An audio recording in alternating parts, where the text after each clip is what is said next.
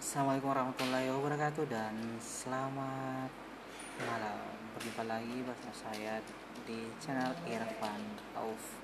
Nah hari ini kita akan membahas tentang dinamika pembelajaran daring di tengah pandemi COVID-19 Para pemirsa yang budiman di mana pun Anda berada Merebaknya kasus pandemi coronavirus disease 2019 COVID-19 sejak Desember 2019 sampai saat ini mengharuskan semua proses kegiatan belajar mengajar bagi peserta didik untuk sementara waktu dilakukan di rumah. Hal itu perlu dilakukan guna meminimalisir kontak fisik secara massal sehingga dapat memutus mata rantai penyebaran virus tersebut.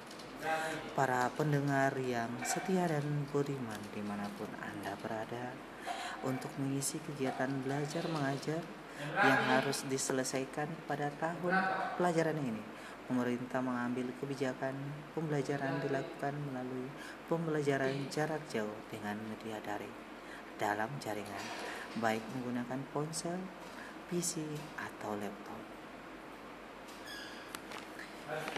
Media daring dirasakan sangat efektif sebagai langkah solutif untuk mencegah penyebaran COVID-19 di lingkungan pendidikan. Guru tinggal memberikan soal yang nantinya dikirim melalui ponsel atau laptop peserta didik atau orang tua. Kemudian peserta didik tinggal mengerjakan tugas dari guru. Hasil pekerjaan atau tugas tersebut dikirim kembali kepada guru melalui WhatsApp atau aplikasi atau dikumpul pada saat masuk sekolah. Para pendengar yang setia dan budiman, munculnya permasalahan implementasi pembelajaran dari yang sudah berjalan beberapa pekan ini secara umum berjalan lancar. Kendati demikian, seiring perjalanan waktu sudah muncul banyak permasalahan, di antaranya tugas guru yang terlalu banyak sampai keluhan soal kota dan jaringan internet. Para pemirsa dan para pendengar yang budiman di mana pun Anda berada, tentu saja alangkah tidak bijak kalau serta-merta menyalahkan para guru dalam situasi darurat, guru waktu itu harus bertindak cepat agar pembelajaran bisa berjalan efektif.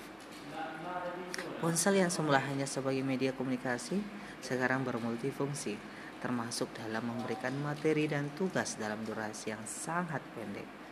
Kita berikan apresiasi layak diberikan kepada guru, sekolah, dan peserta didik karena mereka bisa beradaptasi dengan cepat namun seiring berjalan waktu, semua pihak perlu mengevaluasi pembelajaran daring tersebut agar tujuannya bisa tercapai secara optimal. Terima kasih para pendengar yang setia. Tetap saksikan dan dengarkan podcast selanjutnya. Selamat malam.